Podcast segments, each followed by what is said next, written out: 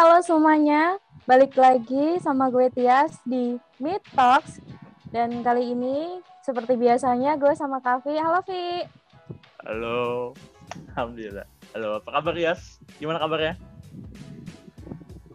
Alhamdulillah baik. Kalau lu sendiri gimana nih?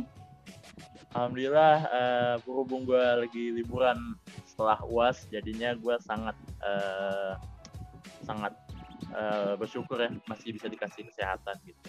Jadi pada sesi podcast kali ini kita bakal membahas sesuatu yang lebih uh, apa ya yang bisa dikatakan lebih uh, besar dari pembahasan kita sebelumnya nih teman-teman Mitos. Nah, kalau di episode sebelumnya kita membahas tentang masa-masa uh, kuliah, terus kita membahas lagi masa-masa uh, setelah kita uh, lulus dan mencari pekerjaan atau memulai di dunia karir. Nah, salah satu poin penting dalam meniti dalam dunia karir kita tuh harus mempersiapkan dalam hal uh, tentunya dalam hal bidang ekonomi tentunya. Karena uh, ekonomi ini sangat penting banget karena kita kebutuhan pasti sangat mengandalkan yang namanya uang.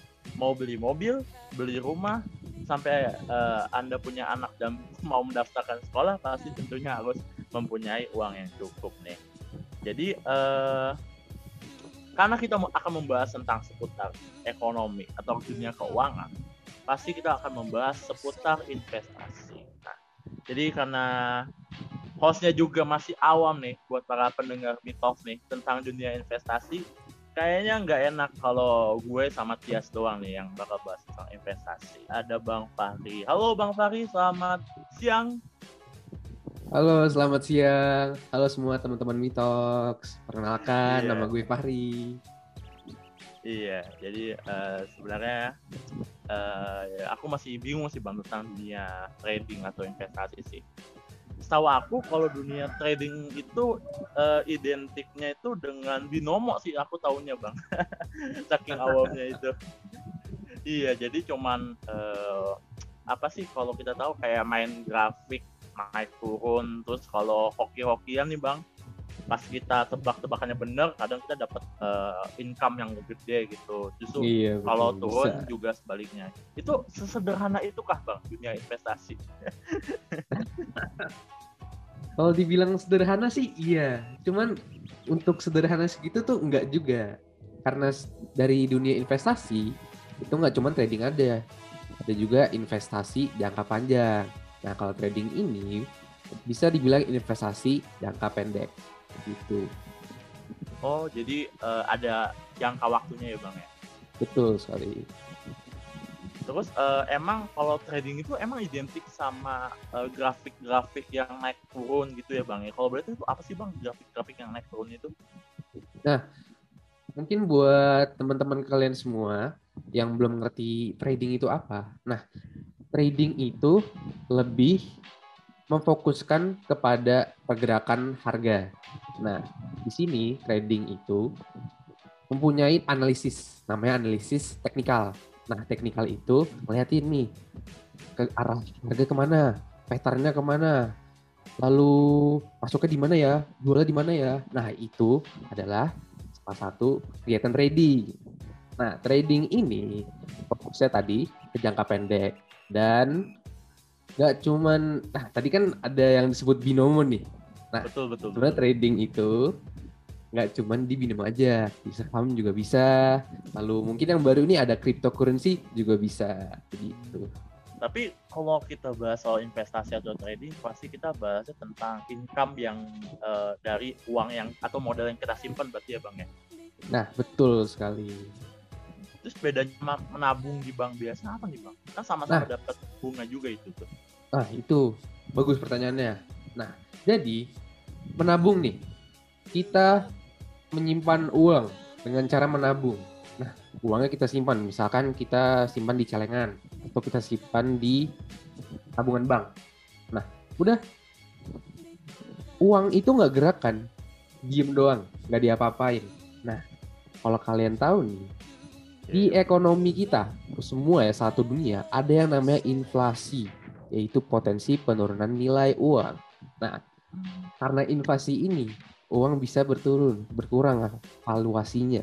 Nah, misalkan kita taruh di tabungan, kita taruh di bank atau kita taruh di celengan. Nah, Hmm. uangnya uangnya bakal turun terus kan tuh bakal turun terus gara-gara inflasi nah bedanya dengan investasi ini salah satu senjata melawan inflasi investasi ini bisa kita gunakan untuk melipat gandakan aset nah itu keuntungan dari investasi pada menabung Oh jadi investasi itu terlepas dari yang namanya efek inflasi itu berarti ya bang ya? masih ada efek inflasi ya. Cuman itu salah satu cara melawan. Kita ngelawan inflasi dengan cara kita mendapatkan keuntungan per tahunnya gitu. Oh jadi dengan kita melakukan eh, investasi itu kita dapat meminimalisir ya dampak dari inflasi yang terjadi berarti ya bang ya? Betul sekali. Itu kira-kira bunganya tuh eh, gede-gedean mana bang kalau kita bandingin bang? Bahasa sih Nih. kalau di bank kan bunga gitu ya bang ya? Hmm, betul betul. Nah, kita ibaratkan nih investasi minimal kita ada 5% per tahun. Betul. Hmm. Betul kan? Nah, inflasi nih per tahunnya biasanya 2 sampai 3 persen. Dan itu biasanya paling atas, mentok atas tuh. Nah, gedean mana? 5 atau 3? Wah pasti lima dong bang. Pasti 5 dong. Makanya investasi melawan inflasi. Gedean 5 daripada 3 persen. Begitu. Hmm, jadi kalau kita cuma nyimpen uang di bank doang, berarti eh, kejamin apa jaminan buat amannya itu nggak segede kayak kita melakukan investasi berarti bang. ya? Betul sekali. Karena tiap tahunnya itu kita nggak tahu inflasi ada berapa persennya. Nah, tapi pasti potensinya gede buat turun. Dengan kita investasi aja. Gitu. Hmm. Berarti investasi juga kan banyak banyak jenisnya juga ya bang ya, nggak cuma binomo doang, ada yang bentuk lainnya seperti reksadana, seperti eh, apa ya saham dan lain sebagainya.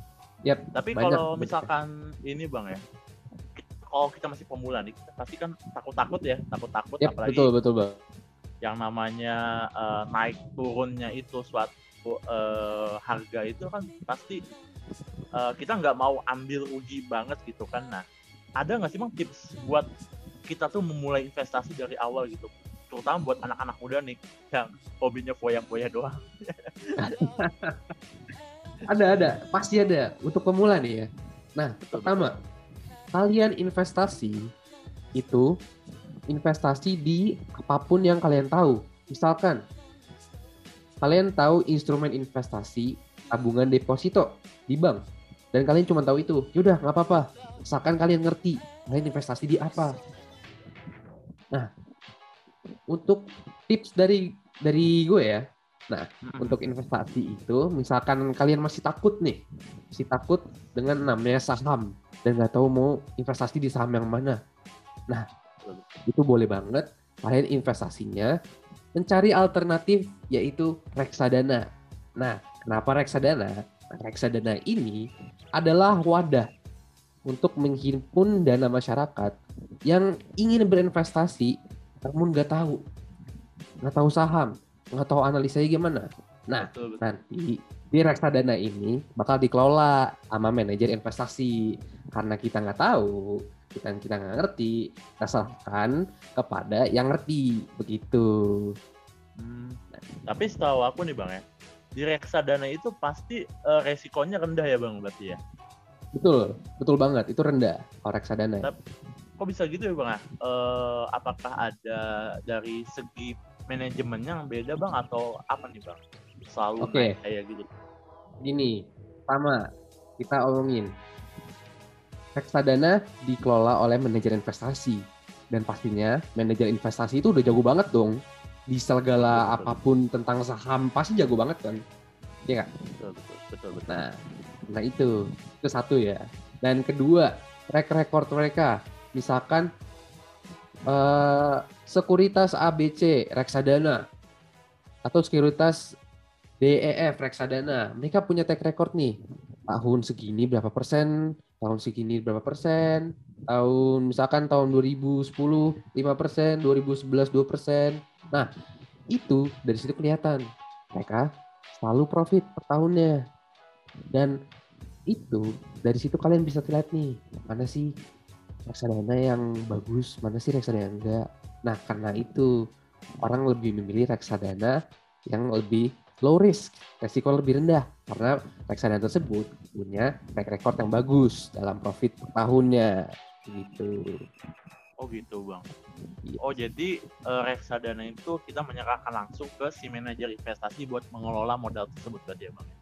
Betul. Dan reksadana ini udah diawasi oleh Otoritas Jasa Keuangan OJK Indonesia. Makanya kalian nggak perlu takut buat di reksadana karena pasti aman. Hmm. Kalau dari dunia investasi sendiri nih bang, eh, kan ada beberapa istilah-istilah yang istilahnya kan eh, nggak semua orang tahu ya, apalagi orang-orang awam. Seperti eh, sekuritas. Sekuritas itu kalau boleh tahu nih, itu apa bang? Apakah itu security atau apa bang? Nah, Sama-sama sih kata-katanya tuh. security dan sekuritas ya. Iya betul betul. Oke. Nah, itu beda. Nih, baik begini. Kalau gue analogikan ya, di sekuritas. Oke. Kalian ke mall nih, kalian masuk ke mall. Lalu kalian pengen beli baju. Nah, kalian pasti ke tokonya kan ya? Betul betul. Betul kan? Kalian ke toko Betul, baju A, baju B, baju C, terserah. Nah, sekuritas ini bagaikan toko baju di sebuah mall. Nah, mall ini adalah pasar modal, pasar uang, ataupun pasar saham.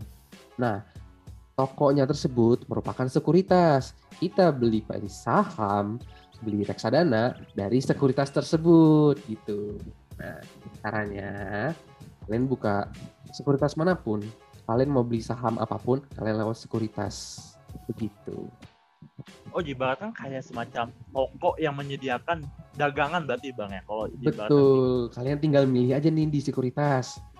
Kalian mau beli saham misalkan, wah, gue pakai BCA nih, gue pengen beli saham BCA. Habis itu gue makan Indomie nih, gue pengen beli saham Indofood. Nah, gitu caranya. Kalian beli di sekuritas tersebut. Hmm, sebenarnya kalau di analogi itu sederhana ya bang ya. Jadi Sederhana. ribet-ribet nyari tempatnya lah. Harus datang ke bursa efek lah. Wah, itu mah itu sangat-sangat merepotkan ya. Sekarang semua zaman udah digital. Kalian udah bisa lewat HP, kalian bisa bisa beli saham. Iya biasanya kalau kita eh, ciri khas dari seorang investor tuh biasanya suka berpakaian rapi, terus bolak-balik ke bursa efek Indonesia, bolak-balik betul, betul, betul. terus bawa koper gede, mungkin isinya uang atau apa Isinya tahu juga. uang gitu ya. Iya. Ternyata bisa uh, melalui digital. Aplikasi Betul, juga udah banyak berarti ya bang ya. Betul, banyak banget. Kalian tinggal pilih aja. Sama ini bang, aku juga ada pengalaman nih bang. Aku pernah nyoba-nyoba install aplikasi Bibit kan waktu itu. Nah, Betul. ternyata di aplikasi Bibit itu kayak ada semacam apa ya? Kayak survei bang, survei tentang eh, klasifikasi eh, seorang investor gitu. Ada Hmm. investor agresif, moderat. Itu maksudnya apa bang? Nah, Eh, apakah apakah itu tingkatan tingkatan sosial kah takutnya kayak dibeda-bedain ah nih investor yang moderat eh, dikasih barangnya yang jelek-jelek kayak gitu-gitu kan aku nggak tahu ya bang soal itu takutnya doang oke. Sebenarnya untuk agresif dan moderat tuh bisa beda-beda tiap orang. Nah, yang agresif bisa yang beli terus ataupun yang mempunyai dana banyak.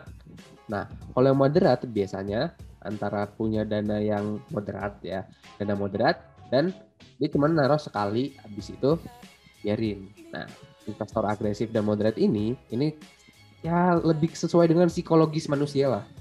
Kayak mereka lebih suka investasi aktif terus, pengen coba terus terus terus, pengen investasi terus atau mereka pengen duit mereka aman dan duit mereka tetap menggulung aset.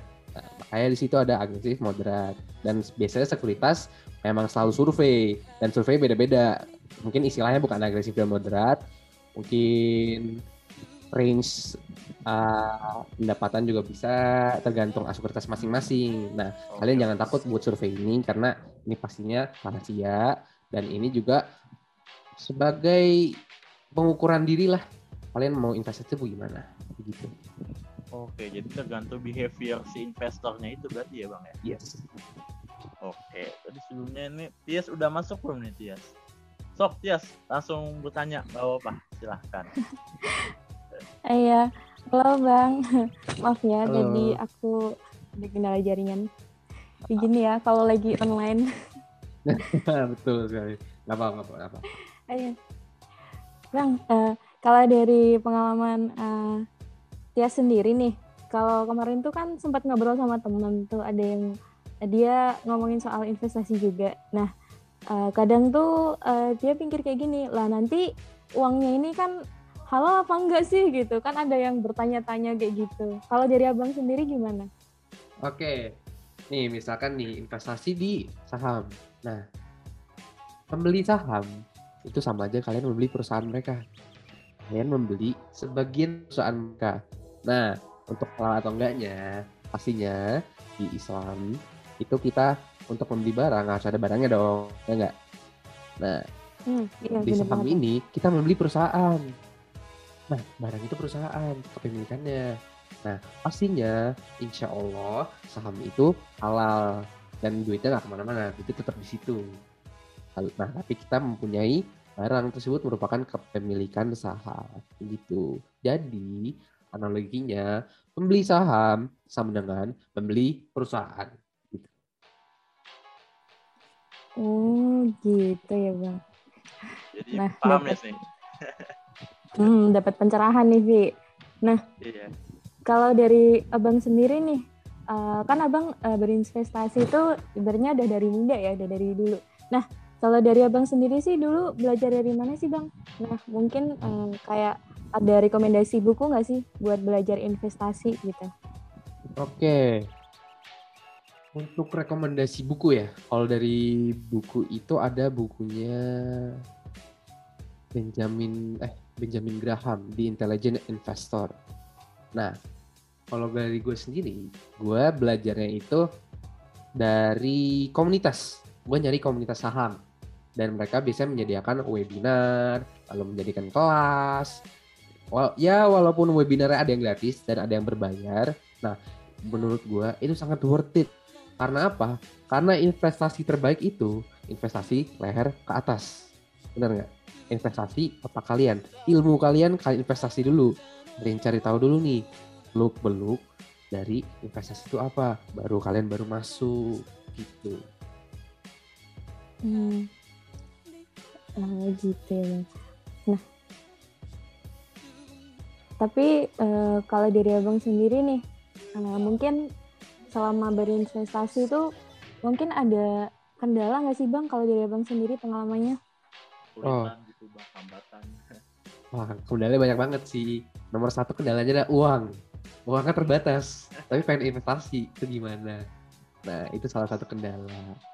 Lalu ada lagi kalau kalian pas belajar itu pasti banyak banget istilah-istilah yang baru banget dan istilah tersebut sebenarnya simple cuman sangat susah untuk dimengerti kalau nggak tahu asal dari mana karena untuk saham sendiri ya analisisnya itu analisis laporan keuangan.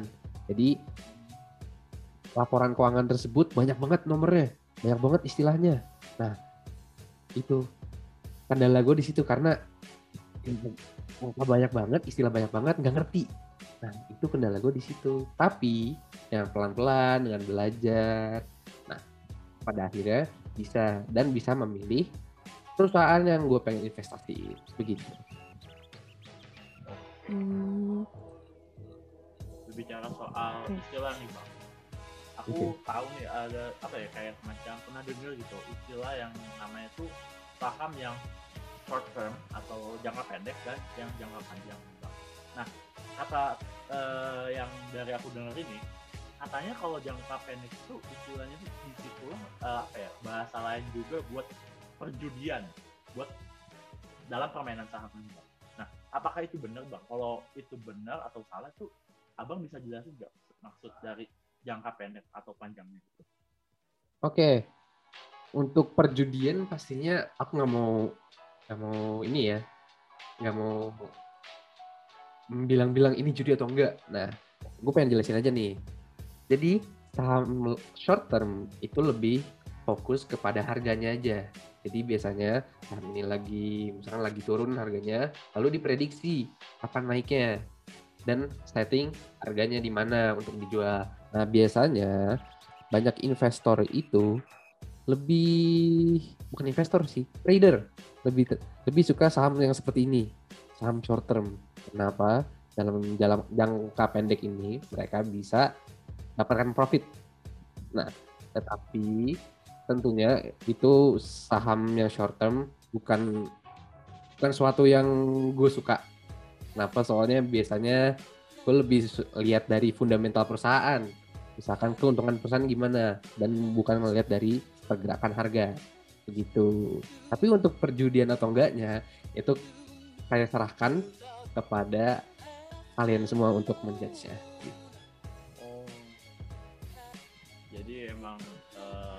Kayaknya hampir sama kayak Binomo ya, sukanya sama trader-trader gitu. Iya, nah beda ini untuk Binomo ini itu adalah lebih ke biner angka biner. Oh dua dua garis itu ya berarti yes betul biner. Kalau saham ada fisiknya. Kalau binomo biner. Dan gue sendiri nggak main binomo gitu. Oke. Okay. uh, yes gimana? Ada yang masih yang belum dipahami soal dunia saham ini mungkin ini kali ya bang kalau dari abang sendiri kan yang tadi dia dijelasin kan eh,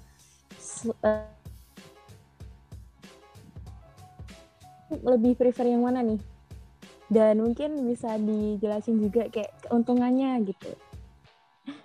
Oh, jadi instrumen mana yang lebih prefer ya? Hmm, untuk aku sih, oke, okay, pertama aku jelasin dulu nih. Dari jalan aku sendiri, aku adalah investor dan investor itu jangka panjang. Dan gue tuh, eh, aku melihat keuntungan tuh lebih ke ya lima tahun ke depan atau 10 tahun ke depan dan selalu menabung saham gitu.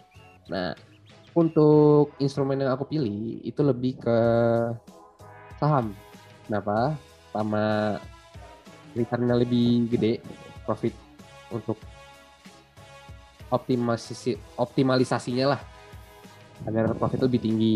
Kedua, karena udah ngerti cara kerjanya bagaimana, lalu udah ngerti cara fundamental analisisnya gimana dan terakhir lebih ingin belajar lagi ingin mengimprove diri lagi agar bisa meneliti saham selanjutnya nah tapi untuk lainnya nih untuk misalkan reksadana. Nah itu salah satu opsi yang direkomendasikan banget buat pemula. Kenapa? Karena low risk dan ada profitnya gitu. Oh gitu ya bang. Nah berarti kalau dari abang sendiri gimana kita uh, menyadari gimana pentingnya untuk memulai investasi dari sekarang kalau dari abang sendiri gimana bang? Sebelum terlambat. Oke sebelum terlambat nih benar banget benar banget. Nah iya jadi benar banget. Untuk teman-teman Mitox yang lagi dengerin nih, nah investasi itu sangat penting. Kenapa? Karena roda ekonomi selalu berjalan dan selalu ada inflasi. Nah, jika kalian hanya menabung dan uang nggak diapa-apain, nah, uang itu bakal turun nilainya. Tahun bisa ada potensi untuk turun. Nah, untuk melawan itu, ayo, ayo semua kita investasi. Nah, ini dong, kalian nyampingin kehilangan uang kan. Nah, investasi investasi itu salah satu cara untuk melawan inflasi dan investasi tersebut dapat melatih money management kalian agar ke depannya kalau kalian sudah dapat banyak uang, udah mencetak gaji yang tinggi, nah kalian tidak kehabisan uang. Kalian tahu cara mengelola uang gimana.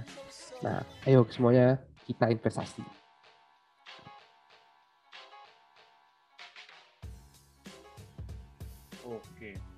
jadi sebelum terlambat teman-teman uh, uangnya bisa diinvestasiin dulu ya jangan dihabisin iya. beli uh, Gucci jangan dulu ya benar jangan dulu jangan dibuat bu ya bu ya jangan, jadi visi misi poya poya ya jangan iya bener banget tuh Vi ya, karena rugi nantinya Oke. Okay. Lebih baik buat investasi. Oke. Okay. Uh, karena kayak biasa ya Vi kita bakalan spill next episode gitu. Dan uh, makasih juga buat Bang Fahri waktunya. Iya. dan uh, pokoknya mm-mm, aku jadi sadar banget gimana apa ya pokoknya investasi itu penting gitu. Mungkin kalau kemarin-kemarin tuh kayak dari Tiasnya sendiri tuh kayak ngerasa ini sih takut gitu belajar belajar kayak gitu. Tapi akhirnya setelah eh, tahu gitu informasinya hari ini jadi ngerasa oh penting banget nih belajar investasi apalagi dari muda gitu sekali lagi makasih ya bang ya buat teman-teman juga Terima kasih semuanya. buat teman-teman eh, jangan lupa saksiin next episode eh, di Meet Talks. Eh, pokoknya kita juga bakalan ngomongin gak jauh-jauh ya dari intinya pengembangan diri ya Vi ya. betul banget uh, kita Pokoknya- pada episode ini kita ngomongin tentang uang. Karena uang itu penting ya buat anda sekolah gitu. Buat mengembangkan diri anda gitu. Dan Iya. nextnya tentu bakal ada pembahasan yang lebih uh, apa ya lebih uh, katakanlah kayak berbobot dan itu bakal useful banget buat teman-teman semua gitu sih. Mm-mm. Dan ini ya Vi, pokoknya semua pasti bisa gitu. iya kalau kita mau mulai dari sekarang pasti semua itu bakal bisa gitu Oke. sama jangan Oke, lupa jangan lupa Instagram Mm. kita ya eh Instagram kita Instagram itu maksudnya Instagram kita Meet Talks. Oh. ya. Sekali lagi makasih ya buat Bang Fahri dan eh, kita berdua pamit dan see you di next episode. Thank you semuanya.